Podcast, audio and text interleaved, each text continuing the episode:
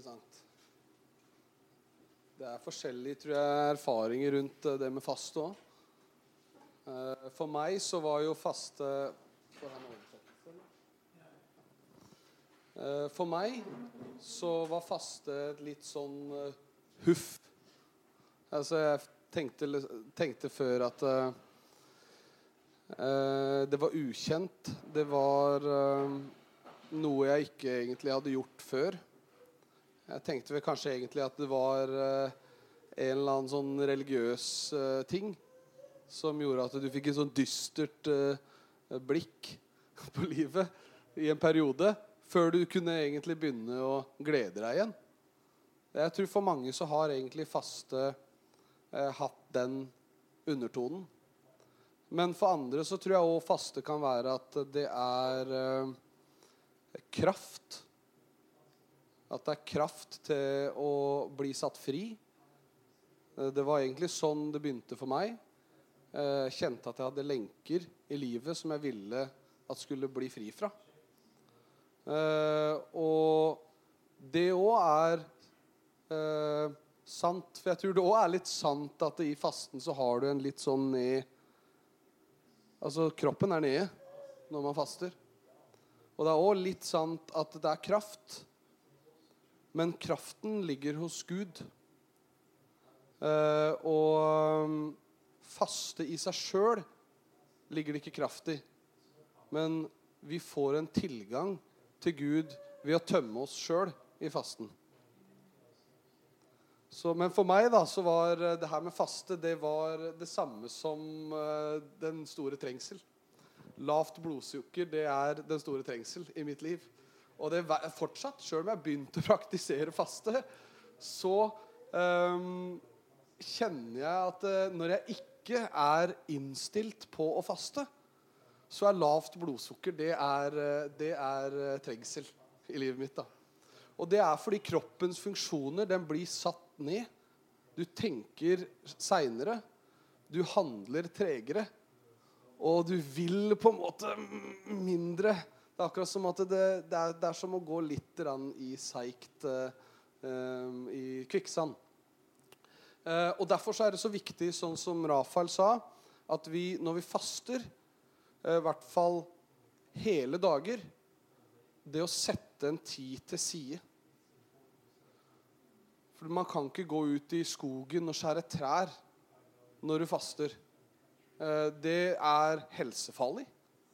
Eh, så faste det skal òg gjøres med en viss tanke for hva som er eh, bra for helsa vår. Så hvorfor da faste når det er en sånn kostnad i å faste? Hvorfor skal vi føre oss inn i en tilstand i kroppen og i sinnet vårt som føles så dystert, eh, men samtidig kjennes så meningsfullt ut.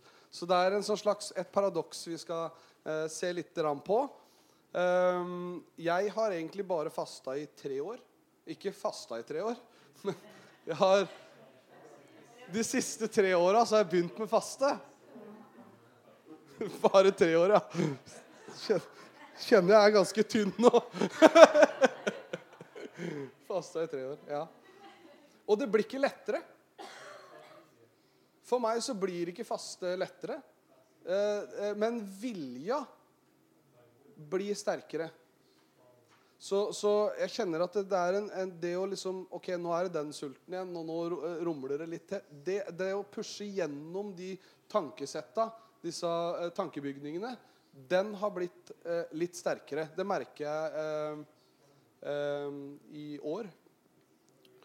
Eh, og en annen ting som er interessant, er det at du plutselig drikker så mye vann. Jeg drikker jo ikke egentlig så veldig mye vann. Eh, men det her har begynt da å bryte med lenker som jeg har hatt fra min oppvekst. Forholdet som jeg har hatt til mat. Forholdet som jeg har hatt til godteri forholdet som jeg har hatt til underholdning, eh, og til områder av stimuli i, i livet mitt. Um, og har, eh, Fra i fjor så har jeg begynt med noe som heter periodisk faste. Det, det, er ikke så mye som en åndelig ting, men jeg kjenner det er godt at kroppen får hvile. Så det er et aspekt av åndelighet, men det er også et aspekt av helse, helse eller kroppen. Da. Kroppens funksjoner. Men det er to, når vi snakker om det åndelige, så tror jeg det er to ekstremer som vi må unngå eh, i det med å faste. Og det ene er den ja, religiøse. Den religiøse fasten. Den legalistiske fasten. Den som mener at jeg kan holde disse buda her, faste inkludert, så skal jeg bli rettferdig. Hvis jeg kan bare gjøre det her, så eh, blir jeg velsigna.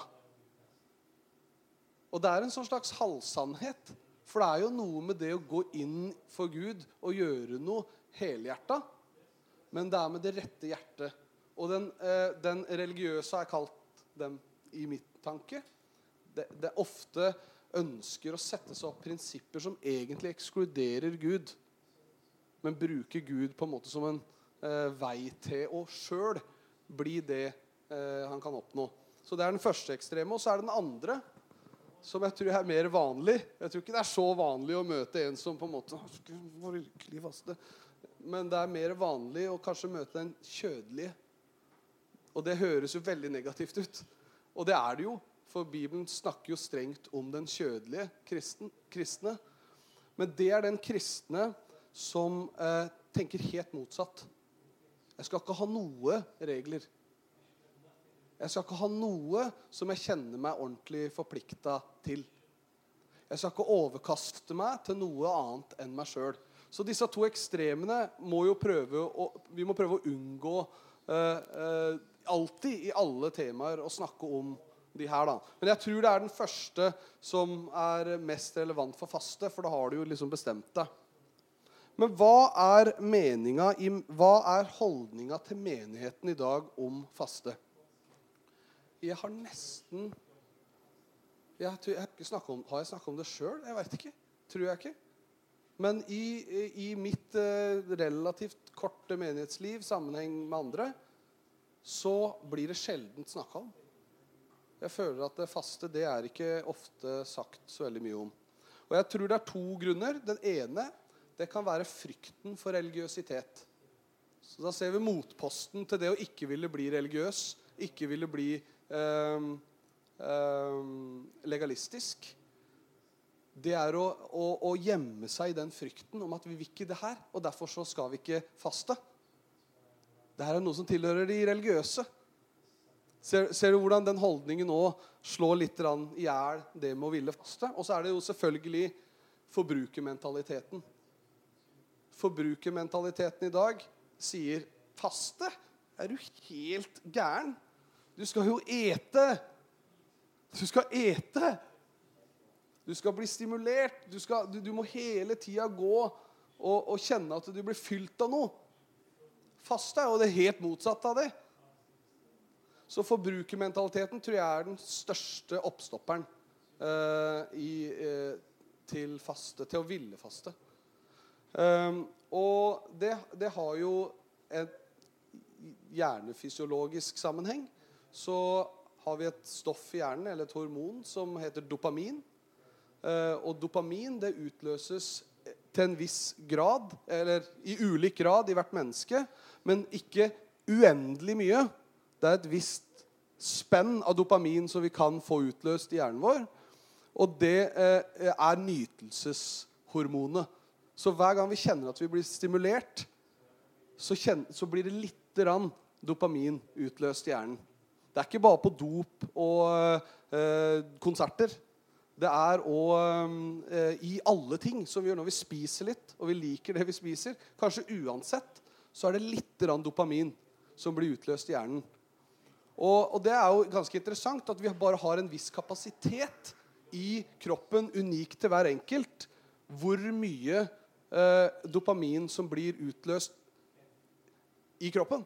Så det vil si at Hvis vi har masse stimuli, så har vi jo fått utløst masse eller lite dopamin over, over tid. Og da har vi ikke noe mer. Da blir vi numne. Hvem her inne har følt på det å være nummen fordi de har, er overstimulert i, i, i dagens verden? Jeg tror alle på en eller annen måte har følt det. Jeg, jeg kjenner det egentlig ganske ofte. Og det har jo med vaner som gjør at vi har satt oss sjøl i en, en, måte å leve på som gjør at eh, vi får mye små drypp av dopamin. Og Det kan bli mye mer teknisk, da, for hver enkelt har et visst liksom, eh, dopaminutslipp. Vi skal ikke snakke så mye om det. Men faste er jo helt motsatt. Det er jo, Bibelen sier når dere faster I sammenheng med dopamintankegangen da, så tenker jeg når dere setter dere i en situasjon hvor dere ikke får masse stimuli, små drypp av det, enten ved TV, kaffe, mat, hva det måtte være Det er det jeg tenker faste egentlig betyr da i, i sammenheng med biologien vår. da. Og, og det er jo veldig interessant. Fordi vi blir oppmuntra til og noen vil si befalt, til å sette oss sjøl i et antistimuli-klima. Eh, det roer jo ned det her stimulikaoset som vi opplever. Det roer ned kjødet som roper etter oss. Og det blir en trening i selvdisiplin og selvkontroll. Men målet med alt vi gjør, det må være at vi ønsker å komme eller vokse i modenhet i Kristus. Så fasten må falle inn under det å skulle vokse i modenhet. Den erkjennelsen, å komme til den erkjennelsen at 'jeg vil det her'. Jeg vil faste. Fordi da kan jeg modnes i Kristus. Det, det, er, tror jeg, grunntanken som man må ha med seg. Og det, det, det, å leve i nåden og modnes i Kristus tror jeg er litt samme tingen. Når man lever i nåden, så er det ikke et konsept der ute som bare har sagt ja, du er frelst. Nei, det er noe som tas inn her inne. Og det er en del av modningsprosessen. Å leve i noe er noe kontinuerlig. Det er noe som alltid skjer. Så, og, og, og, det er oppmuntrende. For vi skal gå fra kraft til kraft, sånn som vi snakka om eh, før møtet. I Tåredalen, i Bakadalen. Ikke sant? Skal vi gå fra kraft til kraft. Vi leste jo det her om dagen. Er utrolig. Det er Salme 84. Så hva vil det si? Vi skal gå til eh, teksten i dag, som er 2. Peters brev. 2. Peters brev, kapittel 1 ikke en tekst som ofte er forbundet med eh, faste, men det er den teksten jeg har fått i mitt liv eh, fra Gud for det året her. Andre Peters brev, kapittel 1, fra Vi kan ta vers 2.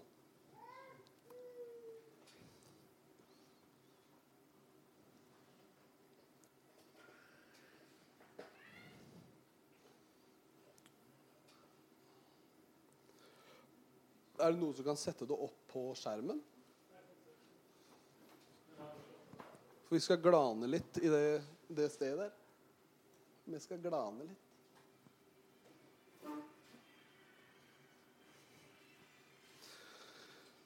Ja, takk, Herre. Vi bare, nå kommer vi til ordet, Herre. Og vi bare åpner oss framfor deg, Herre. Må du lede, Hellige Ånd. Kom og fyll med visdom Kom og fyll med kraft til fornyelse, Herre. Må ordet ikke slå i hjel, men Herre, må det nåden løfte opp, Herre. Kom nå og møt oss i ordet. Du er ordet. Du er logos. Du er det som verden ble skapt ut av. Gud talte, og du var der. Herre, må du tale til oss, Herre. Til fornyelse, til formaning til trøst, til oppmuntring. I Jesu navn. Amen. Stå fra vers 2. Nåde være med dere og fred i rikt mål ved at dere kjenner Gud og Jesus, vår Herre. Å kjenne Gud og Jesus, vår Herre uh, Ja. Nei, ja, den, ja, OK, du gjør samme. Jo, jo, bra. Ja. Nåde være med dere og fred i rikt mål ved at dere kjenner epignosis personlig kjenner. Skulle det stått der, egentlig. Dere har en personlig erfaring som er nå kunnskap som dere har i dere. Kjenner Gud og Jesus vår Herre. Hvorfor? Fordi Hans guddommelige kraft har skjenket oss alt som tjener til liv og gudsfrykt. Det er helt utrolig. Hans guddommelige kraft har skjenket oss. Det er, det er et utrolig bilde. Jeg, bare ser, jeg ser for meg et litt sånn barnslig, kanskje dumt bilde, og kanskje med norske assosiasjoner feil. Men når noen skjenker noen, så er det ofte dårlig stemning for en kristen. Det er ikke, det er ikke sånn vi kristne driver med. Men ja, det å bli skjenka, ikke sant? Da er det noen som har noen feile motivasjoner. Men han har skjenka oss. Han har fylt på. Jeg bare ser det her begeret fra det guddommelige som bare Det renner ut en strøm av det begeret, og det treffer hjertet ditt. Og hjertet ditt blir nå da skjenka av hans kraft. Utrolig. Hva ligger i det som har blitt skjenka? Jo, alt. Alt som tjener til liv og Guds frykt.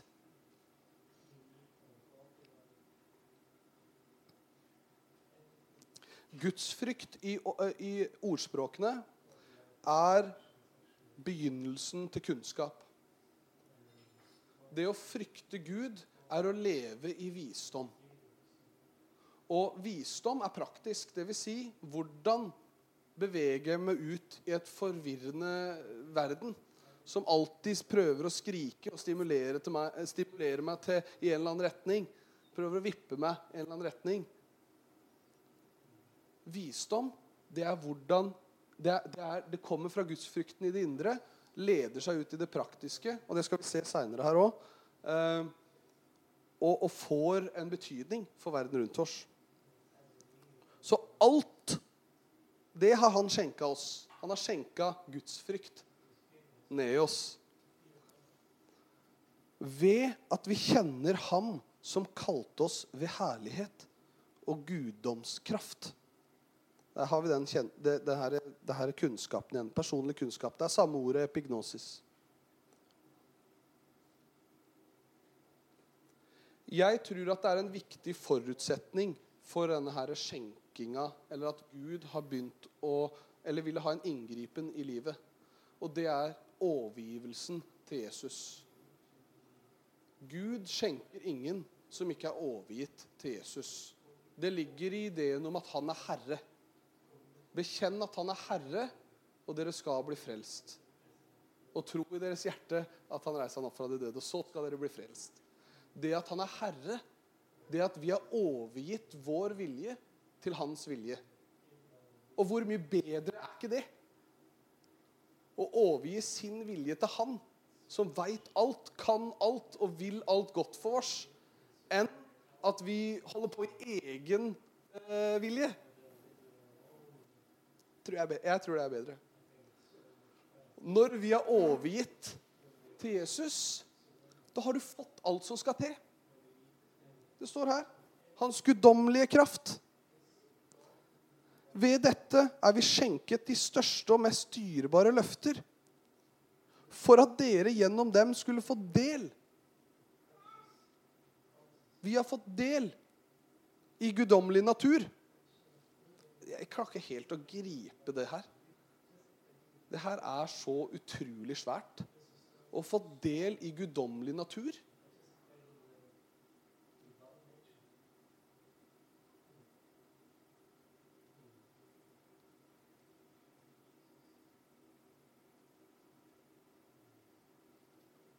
Ja, det er helt utrolig. Når jeg satt og forberedte meg til det her, så bare Hva vil det her si? Å få del i guddommelig natur. Helt utrolig. Og så syns jeg det var et eller annet, et ord her. Etter kommer det her. så skulle dere få del i guddommelig natur etter Interessant ord. Etter å ha flyktet unna fordervelsen som tilhører lysten i denne verden. Der slo fasten inn for meg. Etter vi har flykta unna, unna fordervelsen som tilhører lysten i denne verden. Å flykte fra denne lysten i verden som forderver oss. Jeg Sier ikke at mat alltid gjør det, men det kan gjøre det. Stimuli gjør det, i hvert fall innimellom. Når vi flykter unna det jaget der Faste kan være en måte å gjøre det på. Og så er det interessant at før vi får del i den guddommelige naturen, så må vi flykte først. Altså det er det, er, det, er, det, er, det det ordet 'etter' betyr her. Interessant tanke. Så når vi har fått del, så åpner fengselsdøra seg. Du er ikke i fengsel lenger når du har fått, fått del i den guddommelige naturen. Da er det bare å gå ut. Jesus åpna døra. Løp til han. Ut. Løp. Ikke sitt igjen i den, egen, ditt eget begjær, ditt egen lyst. Ikke sitt og bli forderva.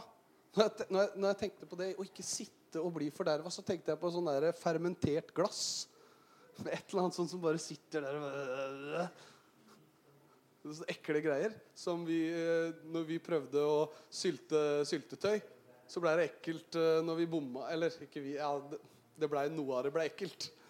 Det ble mugg oppå der. og det på en måte det, Ja, det blei liksom ekkelt, da. Jeg så for meg det liksom noe som sitter og fermenterer i sin egen lyst. Trenger ikke det. Ikke det nå. Fengselsdøra står åpen. La oss løpe til han.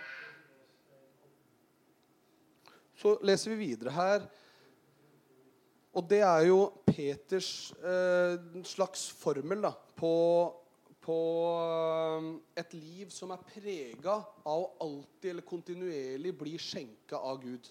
Jeg tror det er en prosess. Altså det Ikke sant? Det, det skjer. Og jeg tror at eh, Peter prøver å sette opp et skjema her for at vi skal få Og ransake oss sjøl litt, men at vi skal få kunnskapen som vi trenger for å kjenne Gud, så vi kan ta del i Hans guddommelige natur. Jeg kommer til å hamre inn det her eh, punktet, for det er så viktig, tror jeg, da. Og hvis vi snur den lista på rundt, så ser vi hva det vil si å leve et liv i tomhet. Ikke sant? Peter prøver å illustrere et liv i fylde ta del, bli skjenka. Og det andre, hvis vi snur det rundt og ser på kontrastene til disse punktene, så får vi et liv i tomhet. Og eh, altså Enten så er du fylt av Gud, eller så er du tom. Man tjener ikke Gud og mammon. Det er enten-eller. Ikke sant? Skal vi se hva som står. Nettopp derfor skal dere også med all iver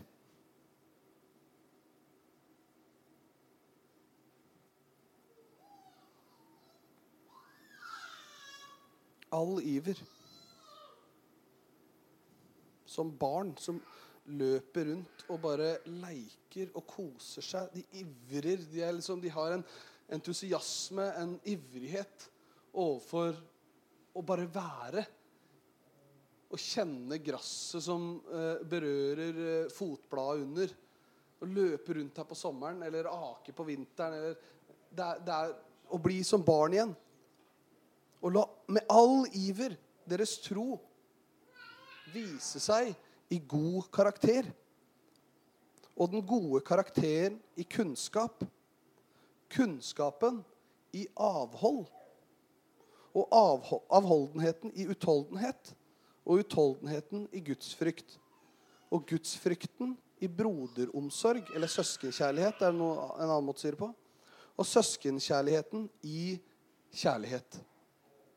Tro, god karakter, kunnskap, avholdenhet, utholdenhet, gudsfrykt, søskenkjærlighet. Det er praktisk.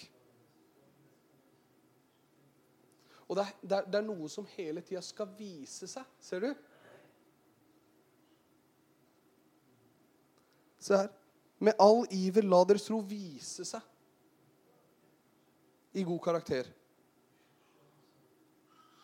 Faste er en type avholdenhet.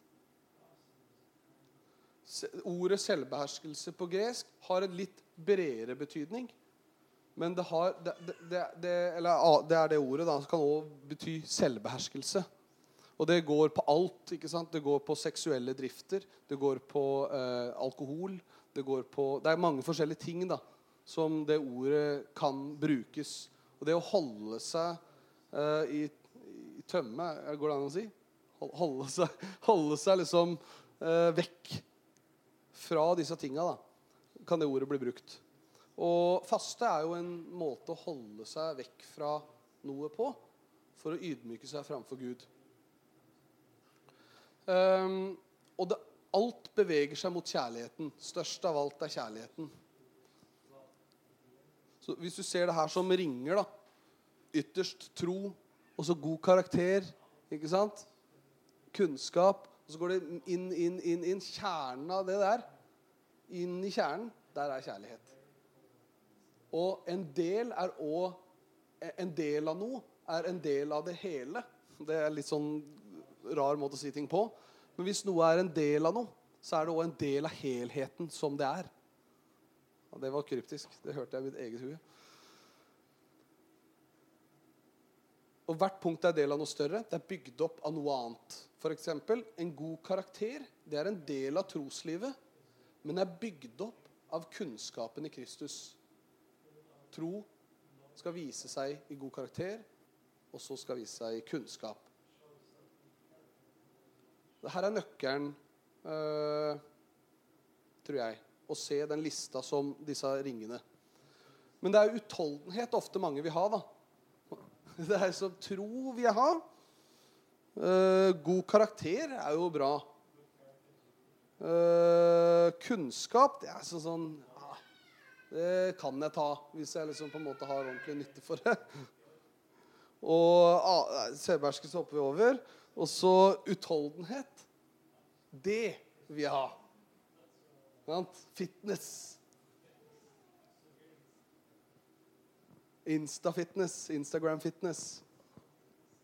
Det er det mange som trakter etter. Og en annen måte å si utholdenhet på er kraft motkraft. ikke sant? Noe som står imot. Men utholdenheten, det bor her i et liv av avholdenhet.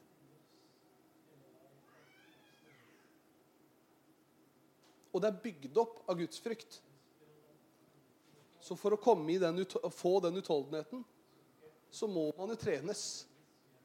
Det er ingen eh, eh, treningssenter i Norge som eh, kommer til å eh, reklamere at jo da, nei, du trenger ikke å trene. Du kan bare komme innom og drikke kaffe.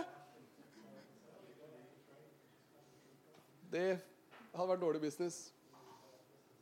Så det her er nøkkelen til kraft. Men må jeg ikke spise for å få kraft, da?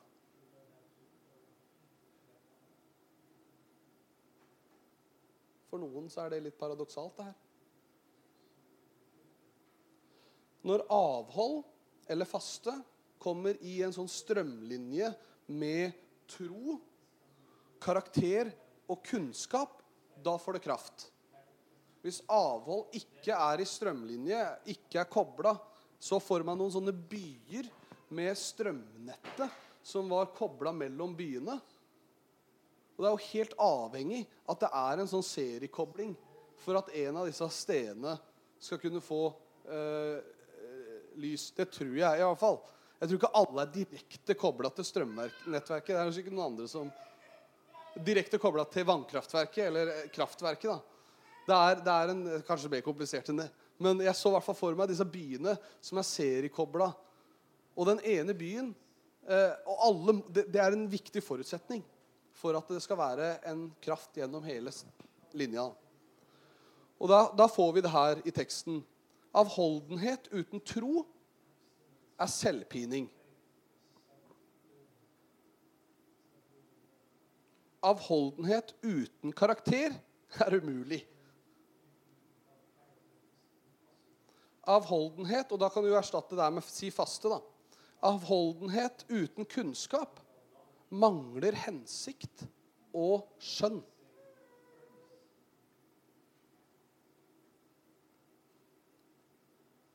Den er litt kryptisk, egentlig. Men eh, tanken her er jo at ok, si du, du faster, da. Og så har du bestemt deg for ti dager. Men så begynner helsa di å slite skikkelig. Og du får en medisinsk eh, eh, krise. Da er det jo ikke sånn. Nødvendigvis. Kommer an på. Gud kan tale òg, og han kan helbrede. Men jeg tenker at vi trenger hensikt, og vi trenger skjønn. Jeg skal ikke begi meg noe mer ut på det. Jeg følte jeg var ute på tynt vann der. Avholdenhet som ikke leder til utholdenhet, det er skippertak uten langvarig virkning. Hvis ikke det er noe som leder til noe som vi eh, kan pushe, så er det bare skippertak. Blir rotete i rommet til neste uke uansett. Avholdenhet som ikke leder til gudsfrykt, er selvsentrert. Skjønner ikke hvorfor noen vil gjøre det, men eh, det er meningsløst hvis du lever i et sånt konsumtankegang. Avholdenhet som ikke leder til kjærlighet, er meningsløst.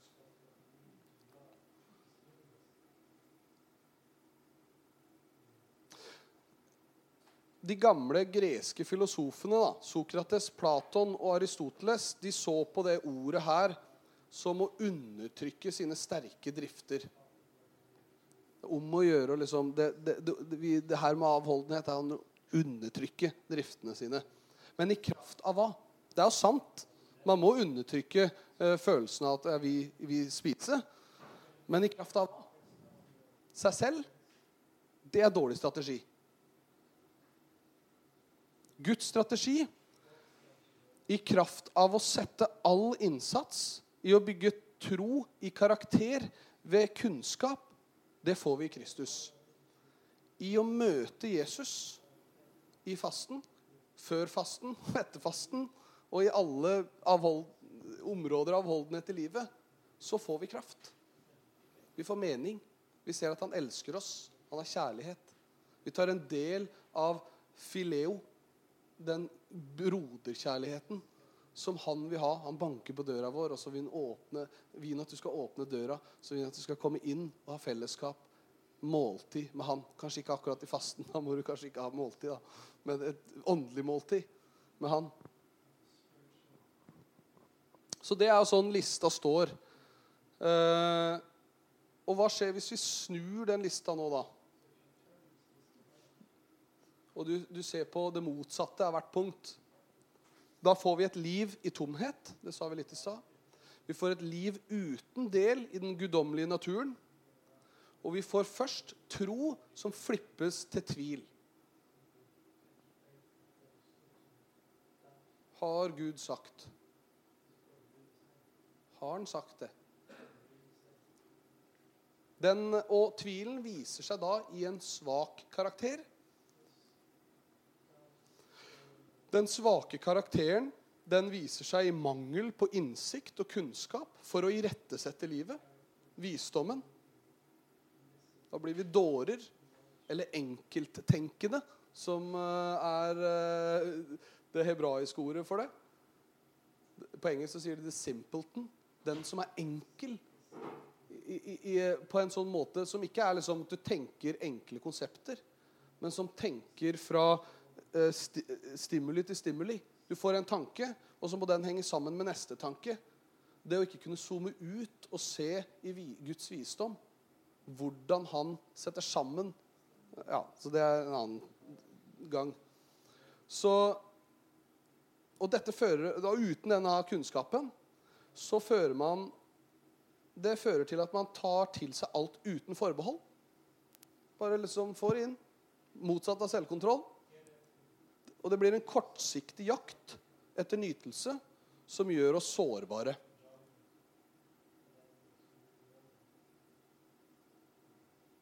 Da rustningen er nede eller lagt vekk. Murene er brent vekk eller Og den sårbarheten, den gjør at vi da blir åpne for angrep. Og når det angriper oss, så øh, blir, ka, det, så kjenner vi på lidelse.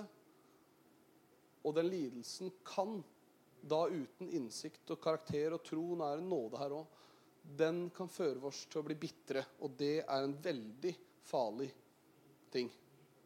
Å være bitter, det gjør at vi skylder på Gud. Men Gud, jeg kom jo hit på gården i, i, i 2019. Og jeg gjorde jo akkurat sånn som du sa. Du sa at du skulle komme fra Oslo. Så kom jeg hit, og så er det hagl hele 2020. Hva er det du driver med? Hagl overalt. Korona mista masse jordbær. Blei i min selvberettigethet Eh, at, At jeg skal, jo, det her har jeg rett på fordi jeg gjorde det du sa. Så ble jeg bitter. Og så skylder jeg litt på Gud. Kanskje med en kristen drakt. da. Det er sånn liksom I en bønn eller noe sånt. Ja, jeg veit ikke. Og dette går utover folka rundt oss. Når vi ikke har utholdenhet. Det går utover kona, det går utover barna, det går utover uh, dere. Det gikk sikkert utover dere òg. Og vi blir da mennesker fylt med bitterhet og hat og ikke kjærlighet. Det er en dyster kontrast til Peters formel her. da. Og livet i tomhet er et liv som består i å jage etter det man selv vil, ikke det Gud vil. Så det er jo ransakende for oss, da. Men løsningen eh, Vi har tappa litt inn på det. Det er å, å, lese det her ikke som noe som slår i hjel, men noe som gjør at vi får del. Han er ikke ute etter å sette opp et regelsett som vi må følge for å bli rettferdige. Han er ute etter å illustrere at dere er allerede rettferdige, og da ser det sånn ut. Og så selvfølgelig så er det nåde for oss at vi ikke klarer å leve fullt ut det han mener at vi skal. Så han hele tida jekke oss inn igjen. På en eller annen måte. Å bli skjenka av Gud, det er nåde. Å få Ånden utøst i våre hjerter er nåde. Det sprenger åkets lenker. Det er den praktiske dimensjonen av hva nåde er. Og nåde for oss i praksis er overgivelse. Han er herre, vi overgir oss til han. Hver dag, i alle ting, før alle ting, etter alle ting, overgivelse. Å faste, det er en måte å overgi seg til Gud på. Jeg, faste er en måte å overgi seg til Gud på. Jeg gir opp mat. Jeg gir opp drikke. Jeg gir opp underholdning. Jeg gir opp godteri. Jeg ydmyker Nei, ikke kaffe. jo, det òg. Jeg gir opp Gud. Nei da, jeg vil bare se om det er våkne. Jeg ydmyker meg selv framfor deg. Ja, Herre. Vis oss, Herre, hva den sanne, rette fasten etter ditt hjerte er. Fyll oss. Vi bare overgir oss nå. på alteret så legger vi oss, og vi overgir oss framfor deg. Og det vi ikke klarer å overgi oss med, vis oss, Herre. Få det opp i tanken, så vi kan overgi det òg. Så vi kan bære fram våre kropper som et hellig og levende offer framfor deg, Herre. Vi vil ha deg. Vi vil at du kan komme inn i livet vårt. Og gi oss gaven av å tro. La oss se og glede oss i takknemlighet over at det viser seg en karakter til din ære i den troen, Herre. At vi kjenner at vi øker i kunnskap og kjennskap til deg og hvor god du er. Og at det leder oss på ny og på ny og på ny å søke og avta, så du kan fylle. Og at vi ser da, Herre, at vi blir utholdende, at vi står imot. Vi er presset, men ikke knekket. Herre, må det her lede til at vi elsker mer de rundt oss. At vi lever i kjærlighet, ikke i bitterhet og hat.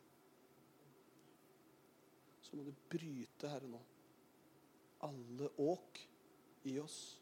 Åk av legalisme. Åk av det kjødelige. Og bare legge det i ruiner i Jesu navn. og skjenke oss, Herre. Nakne står vi framfor deg. Det er ingenting vi kan komme med som, som du syns er imponerende. Vi står nakne og uten noen ting. Og du kler oss. Takk for at du kler oss i dine tronsaler, Herre, med en ny drakt. Og du skjenker oss, du gir oss et beger, og vi kan ta del i det himmelske måltid. Resten av vårt liv og inn i evigheten. Takk, Herre.